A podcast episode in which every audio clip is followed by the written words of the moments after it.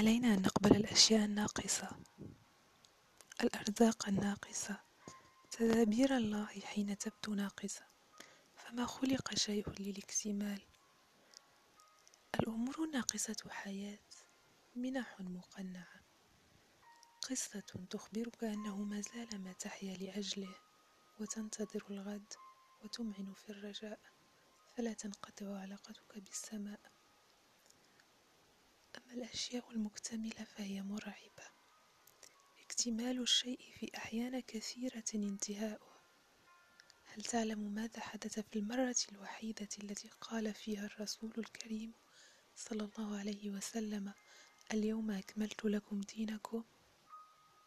مات بعدها.